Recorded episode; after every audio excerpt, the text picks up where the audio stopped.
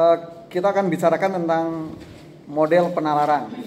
Eh, ada tiga model penalaran: deduktif, induktif, dan interpretif. Gitu. Nah, sebagai bekal prakuliah, bapak-bapak harus membaca riset kualitatif. Saya kira sudah eh, dari berbagai tugas kemarin itu, bapak-bapak membaca riset-riset apa kualitatif. Indah apa contohnya? Indah Hilma, uh, kemarin dari berbagai jurnal apa yang Anda ingat judulnya? Ada yang ingat nggak? Ibu, ibu apa yang ingatnya? Uh, dekonstruksi hijab ya, nah, itu sudah kritis yang keempat itu. Dekonstruksi apa? Hijab. Oke, uh, kemudian membaca hasil riset kuantitatif. Nah, ini agak jarang memang yang kemarin uh, penelusuran jurnal bahwa Pak yang kuantitatif. Yang kuantitatif itu contohnya misalkan kemarin ya kata kuncinya biasanya selalu pengaruh gitu ya. Pengaruh atas pengaruh gitu. uh, ya, pengaruh. Misalkan Pak Fauzan dari Banjar menulis tesis judulnya pengaruh examples and examples metode examples and examples dalam peningkatan kualitas uh, pembelajaran gitu ya untuk meningkatkan apa namanya prestasi belajar gitu. Nah itu contoh apa kuantitatif gitu. pengaruh cuaca terhadap jumlah anak ada nggak itu? Nah itu itu uh, kuantitatif atau tebakan nggak tahu ya ya nanti bandingkan bagaimana jumlah anak apa namanya masyarakat pesisir dengan yang di pegunungan. Oke, kemudian riset interpretif. Interpretif yang berbasis basis budaya itu rata-rata adalah inter apa? Pretif. Karena menggali makna, menggali makna. Contoh eh, salah satu penelitian Eh, kemarin itu judulnya tentang ya pembagian waris di Kampung Kuta. Uh, Kampung Kuta Tambak Sari, Bu. Nggak di Bali ya, Tambak Sari. Ya.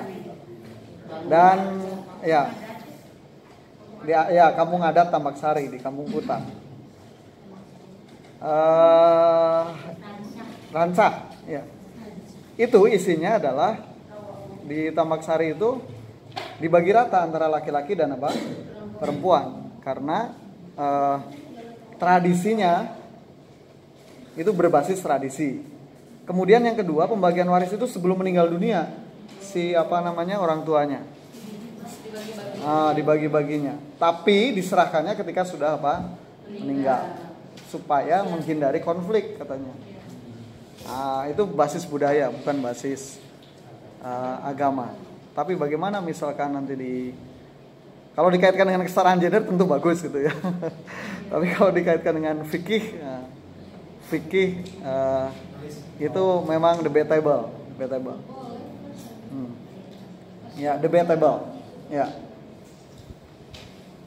Kalau saya sendiri praktekkan sih saya sudah bagi rata ya. Uh, saya punya adik dua laki-laki, eh bukan uh, dua perempuan, kemudian kita empat laki-laki ya kita bagi rata. Kebetulan yang laki-laki lebih banyak kemudian lebih established gitu dibanding yang perempuan. Jadi memang wajib dibagi apa? Di rata. Hitung-hitung membantu uh, adik-adik yang perempuan. Ya diskusi saringannya nanti lah ya. Nah yang pertama adalah uh, inductive research approach atau uh, penalaran induktif.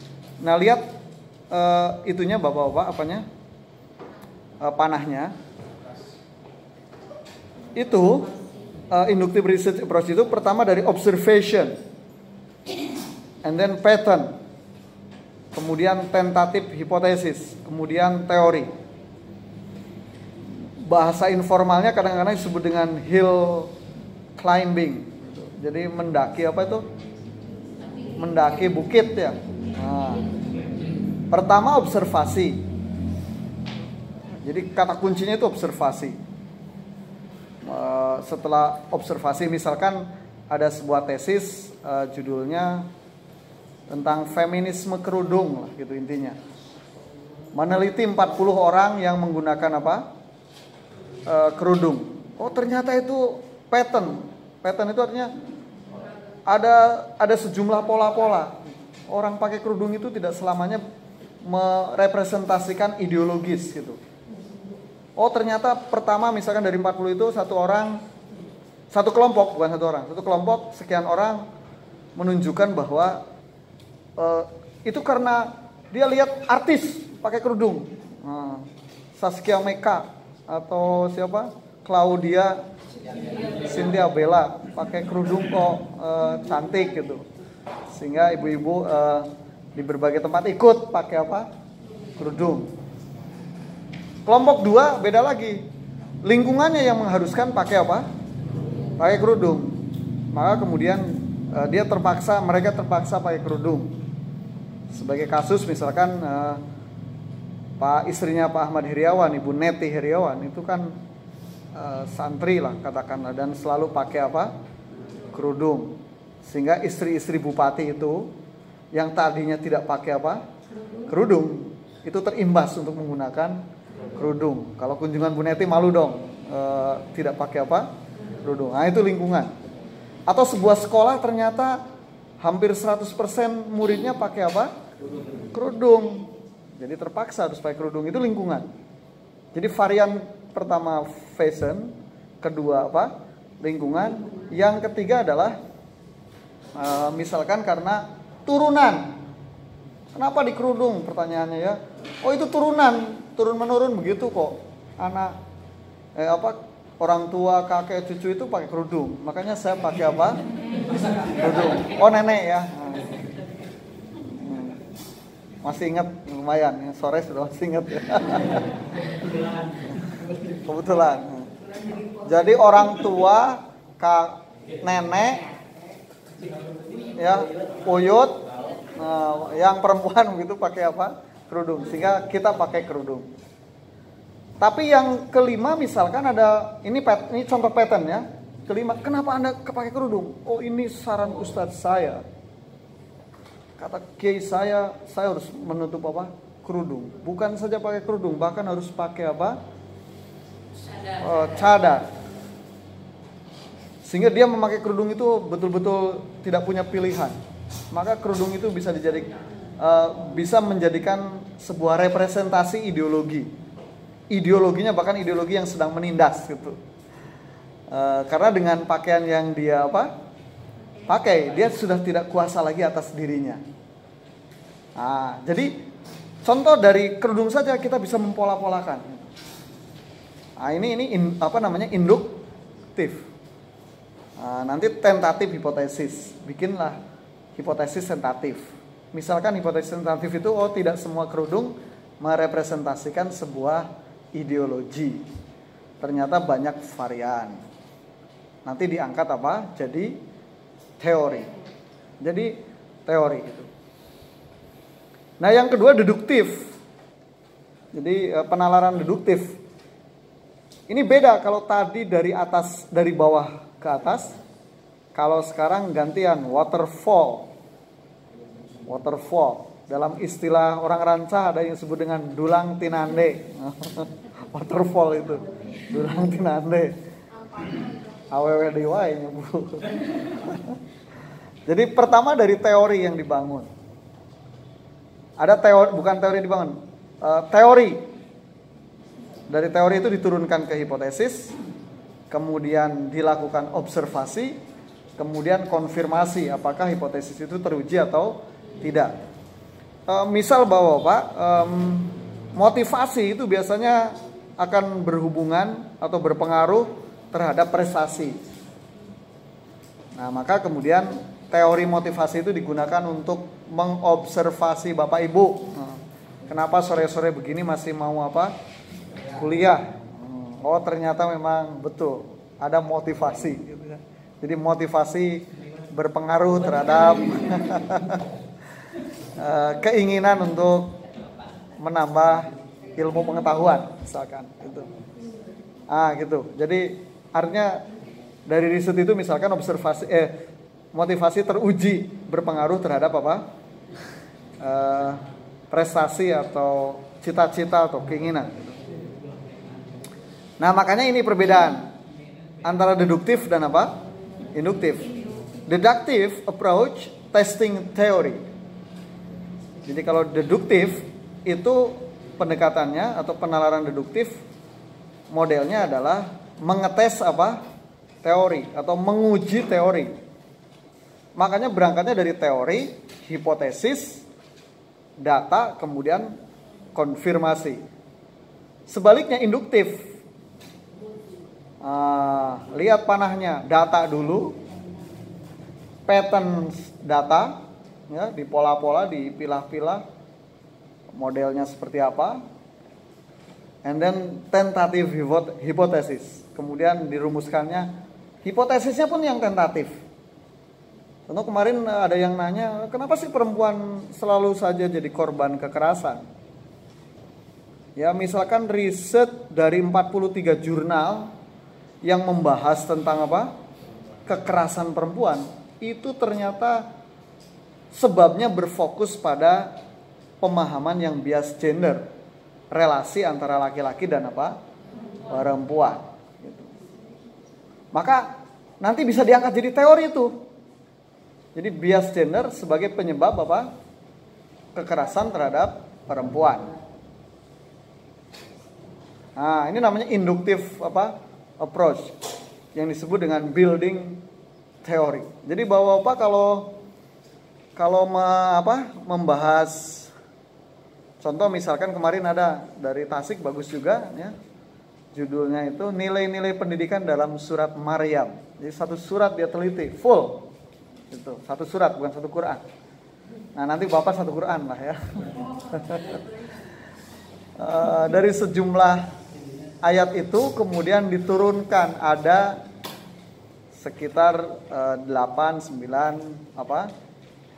Uh, karakter yang itu bisa untuk menjawab krisis karakter hari ini itu. Nah itu ya, walaupun saya tanya juga kemarin perspektif gendernya karena ini kan surat apa? Maryam. Nah, gimana tuh? Ya, hmm. ya bagus lah gitu. nah, Sebetulnya dua-duanya oke okay, Pak, tidak masalah. Untuk ya, untuk S2 S3 tapi saran saya begini kalau bapak-bapak tidak mengerti statistik walaupun ada konsultan ya lebih baik yang kualitatif. Karena itu rumus memang. Contoh kita kita itu tujuannya begini misalkan bikin um, sop gurame ya judulnya sop gurame pedas nah, enak pak Ya. Itu kan rumusnya harus harus apa? Sop gurame. Misalkan kalau saya lebih senang gurame, Pak. Kakap biasanya kan dari laut, nanti pakai pengawet. ya, ya. Oh, ada yang bawa kakap. Bagus lah.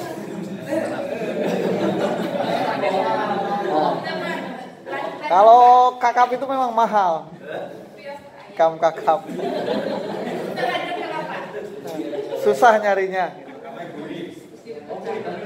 Namanya kan sering. Eh, apa itu penjahat kelas apa? Kelas teri, kelas kakap. kelas kakap. kelas kakap.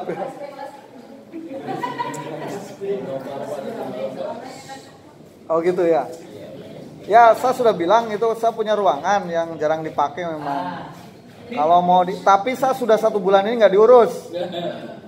Itu yang di depan Pak Koko, itunya luas. Mungkin Hilma pernah lihat ya. Uh, ada ada ruangan untuk tidur juga bisa. Tapi sekali lagi satu bulan ini saya nggak masuk masuk. Biasanya itu kan tempat saya menyepi. Dulu pernah dibuka 24 jam. Uh, karena itu apa buku-buku saya sebagian saya simpan di sana dan itu terbuka untuk umum untuk baca untuk macam-macam tapi ternyata pada hilang gitu. Saya kunci kembali, tapi yang di luar masih banyak itu buku yang bisa dibaca, tapi bukan untuk dibawa, dibaca. Silahkan. Nah kalau nanti malam mau dipakai silahkan, tapi saya juga belum ngecek apakah masih ada apanya nih, lampu, lain-lain. Menurut saya lebih enak di sana, Pak. Kalau di dekat rumah saya, kasihan. Saya, saya sudah cari orang untuk bebersih juga belum apa satu minggu ini. Jadi banyak rumput lain-lain. Sebenarnya sangat luas. Bisa di lapang poli juga bisa tuh ya. punya saya tapi hujan. Lapang poli kan dekat makam gitu sananya tapi terserah kalau mau pakai yang itu nanti saya cari kuncinya kuncinya juga lupa nyimpennya di mana bisa bisa ada ada kuncinya oke lanjut dulu uh, apa tadi lupa eh? Sop gurame. Ini contoh penelitian kuantitatif yang berbasis apa tadi? Berbasis statistik. Contoh, ini ilustrasinya saja. Kita ingin bikin sop apa? Gurame. Maka rumusnya itu kalau bikin sop gurame, ter, uh, misalkan ini biasa rumus saya, nggak tahu rumus bapak ibu ya. Uh, misalkan sediakan gurame tentu ya, yang masih yang segar gitu, dipotong-potong diiris-iris gitu. Udah gitu kita uh, kemudian menumis apa itu? Bawang bumbu sampai harum. Uh, baru dan itu masukkan apa kemudian masukkan apa? Ikan yang masih segar itu kemudian baru air yang mendidih masukkan juga. Nanti lihat beberapa ya sekitar setengah jam kalau ingin agak apa ini maka selesailah jadi apa?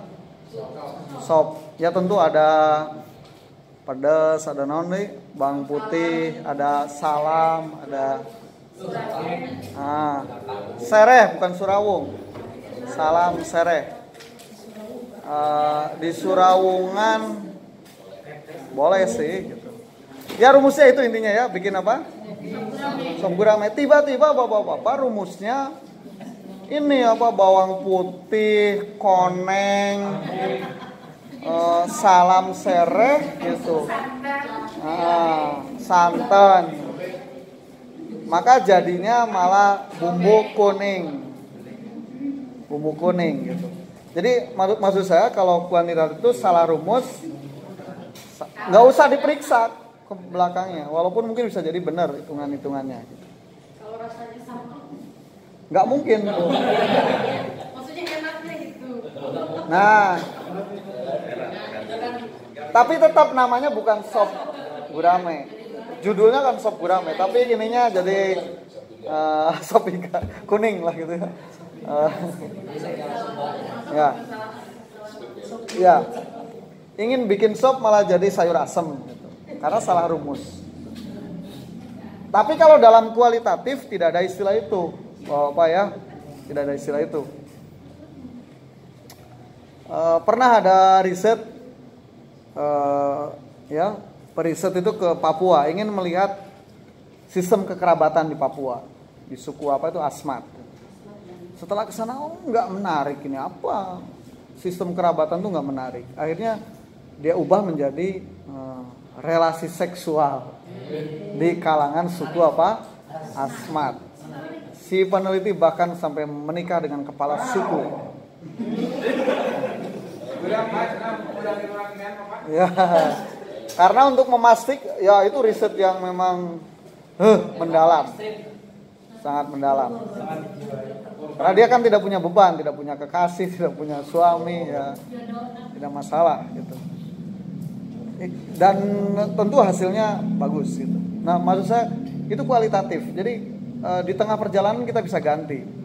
Bisa ganti. Contoh kalau praktis ini ini sih praktis ya beberapa kali teman-teman bimbingan itu uh, contoh misalnya nilai-nilai pendidikan dalam ayat ini apa tapi nilai apa yang mau digali sudah ganti eh, saya bilang tambah nilai-nilai pendidikan anti korupsi dalam ayat sekian sekian sekian dalam Al-Qur'an. Nah, itu boleh dalam penelitian apa? kualitatif dan biasanya tidak ada istilah benar salah.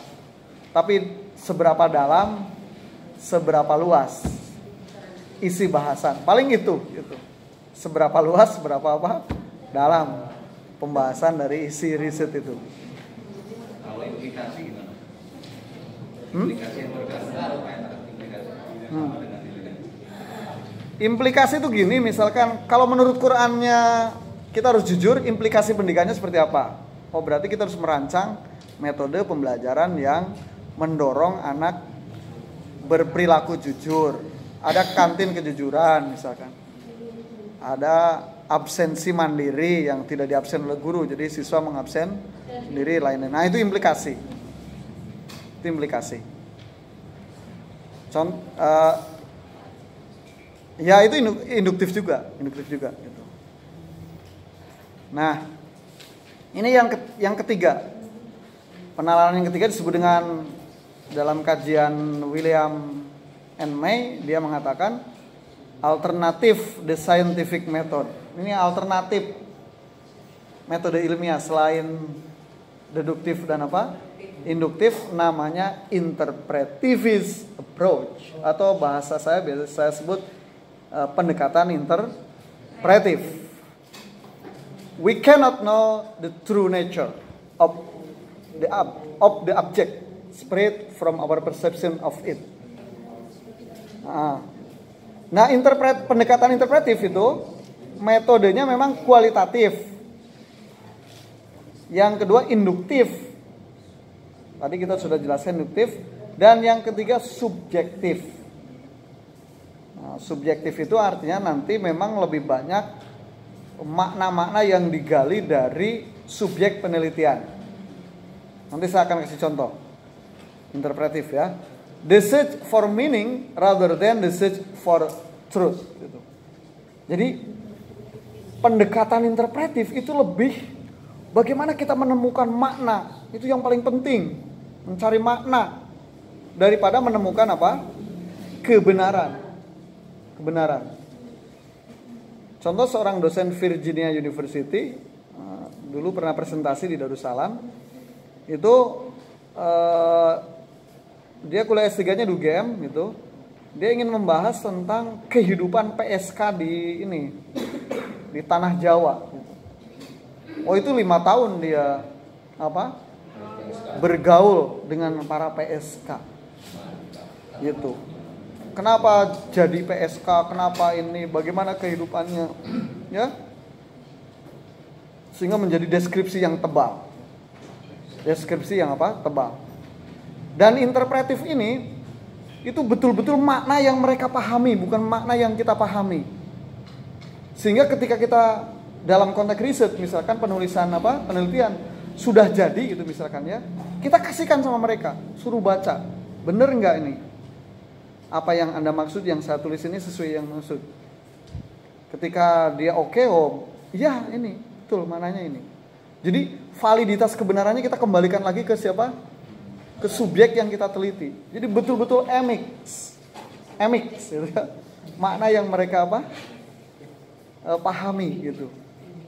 Kenapa sih umat Islam berani bom bunuh apa diri? Gitu. Wah kita tanya mereka, gitu ya. Jadi bukan persoalan benar dan apa salah, tapi apa makna yang mereka pahami atau sebuah artikel berjudul uh, berbagi suami atas nama Tuhan. Nah, ya. berbagi berbagi suami atas nama Tuhan.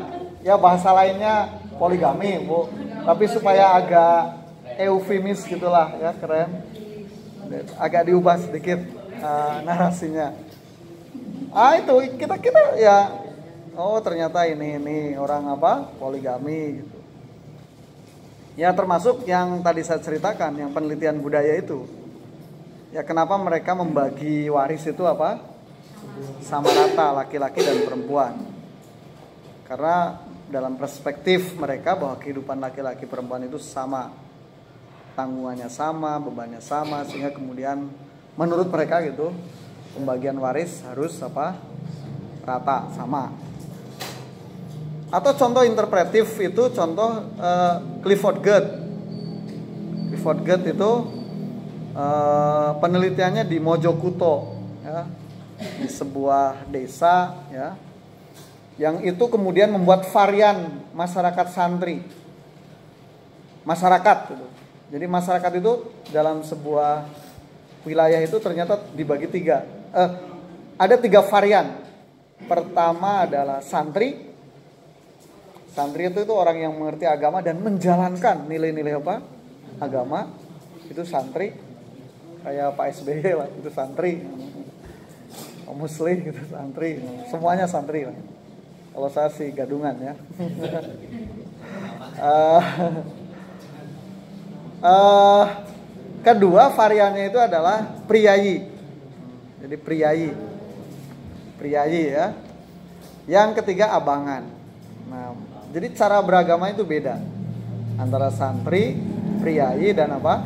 Abangan. Kalau priayi itu eh, kenapa beragama itu bagian meraih legitimasi publik gitu. Mohon maaf misalkan kenapa eh, Prabowo, Jokowi eh, beradu framing apa? keagamaan itu dalam konteks supaya dilegitimasi oleh publik, oleh masyarakat Indonesia bahwa eh, mereka juga dua-duanya religius misalkan gitu ya. Tapi nanti publik yang akan yang akan apa? Menilai mana yang religius, mana yang uh, tidak religius begitu. Ya, walaupun dari segi aktivitas religius misalkan uh, Jokowi lebih sering gitu, kalau Prabowo lebih apa? Jarang gitu ya, ya terserah publik lah gitu ya. Tapi dekatnya dengan ulama itu siapa? Uh, cenderung publik mempersepsi Prabowo karena istimewa ulama merekomendasi Pak Prabowo sebagai apa? Capres. Gitu. Ya istimewa ulama itu jangan politis harusnya sih. Tapi biar nggak apa-apa, terserah. Nanti kita lihat 17 April 2019. Sebentar lagi. Kelas ini ada yang caleg gak? Oh ibu.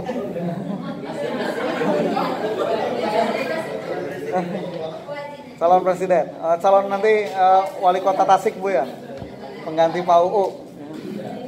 Ya kita senang lah kalau ada alumni apa pasca IAID uh, calon wali kota atau calon bupati dan menang gitu. Amin ya. Ya kita juga punya mahasiswa S2 itu ini Pak. Uh, anggota DPRD ada. Anggota DPRD Banjar. Pak Nasir ya. Nah, ada ya. Ya yang kemarin nanya itu. Aktif dia kuliah. Hampir nggak pernah alpa itu. Pak Nasir itu ya. Dulu saya juga bareng kuliah sama Pramono Anung. Pramono Anung itu. Kuliah S3 nya kan di di Unpad di komunikasi lagi bareng sama saya. Adik kelas saya malah gitu. Nah itu pinter itu. Kan kuliahnya cuma dua hari kalau pasca S3 dan itu hampir tidak pernah alfa hebat itu. Ya kecuali jadi sidang itu kadang-kadang ini nggak dihadiri. Mending hadir apa? Kuliah. Jadi benar kalau Pramono Anung itu pejabat yang apa? Kuliah benar. Ya kayak Pak Musli lah. Pejabat kuliah benar. Dan lain-lain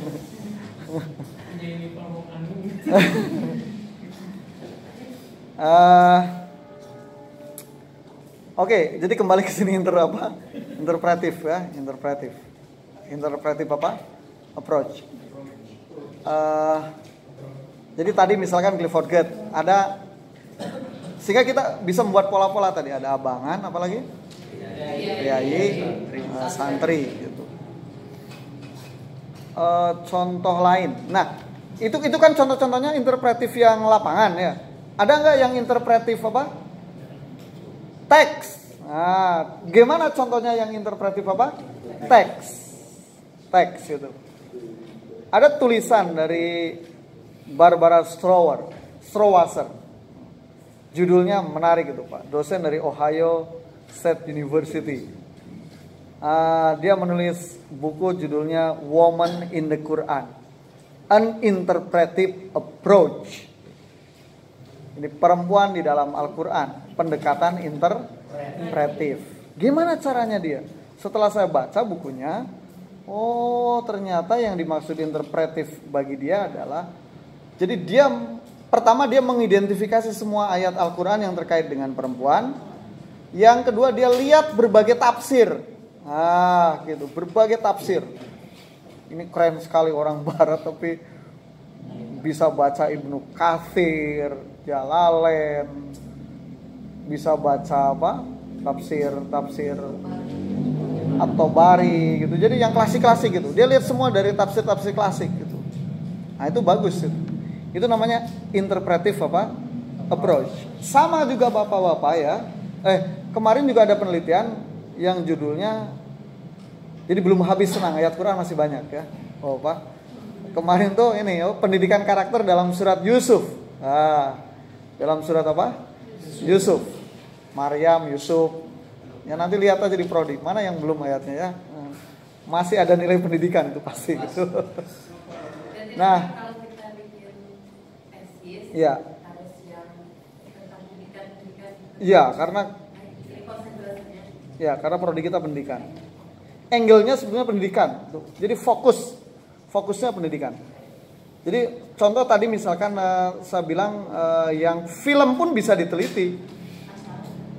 Eh, dilihatnya aspek apanya? Pendidikannya. Aspek pendidikannya. Ya, aspek pendidikannya. Itu. Itu tidak masalah objeknya apa saja, tapi cara pandangnya cara pandang apa? Pendidikan. Apa problem pendidikan di di di di situasi itu, di fenomena itu, di realitas itu gitu. Jadi nggak masalah Bapak ya.